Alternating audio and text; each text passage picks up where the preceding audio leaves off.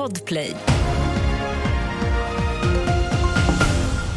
Här är senaste nytt från TV4 Nyheterna. Extrem kyla råder fortsatt i norr och i Älvsbyn är tusentals hushåll utan el. Hemtjänsten har tvingats till kraftiga prioriteringar och kommunen uppmanar anhöriga att besöka sina äldre under dagen då trygghetslarmen inte fungerar. Just nu är det runt 30 minus i Älvsbyn och kommunen har upprättat en krisledningscentral.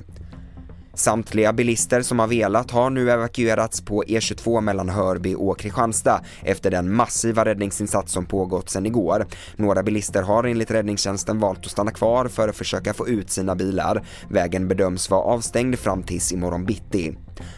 Polisen går nu ut med att man söker två gärningspersoner efter skjutningen på en restaurang i centrala Västerås på juldagen där en man skadades allvarligt. Ett 70-tal förhör har hållits i utredningen men än så länge är ingen gripen. Den skadade mannen har inte kunnat höras på grund av sina skador. Utrikes. Nordkoreas diktator Kim Jong-Uns dotter Kim Ju-ai kommer högst troligt efterträda honom som landets högsta ledare.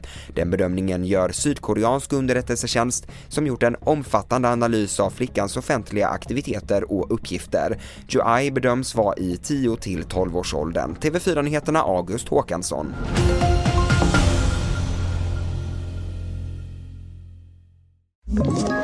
Ett poddtips från Podplay.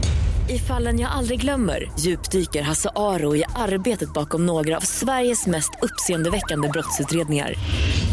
Går vi in med hemlig telefonavlyssning och, och då upplever vi att vi får en total förändring av hans beteende. Vad är det som händer nu? Vem är det som läcker? Och så säger han att jag är kriminell, jag har varit kriminell i hela mitt liv men att mörda ett barn, där går min gräns. Nya säsongen av Fallen jag aldrig glömmer på Podplay.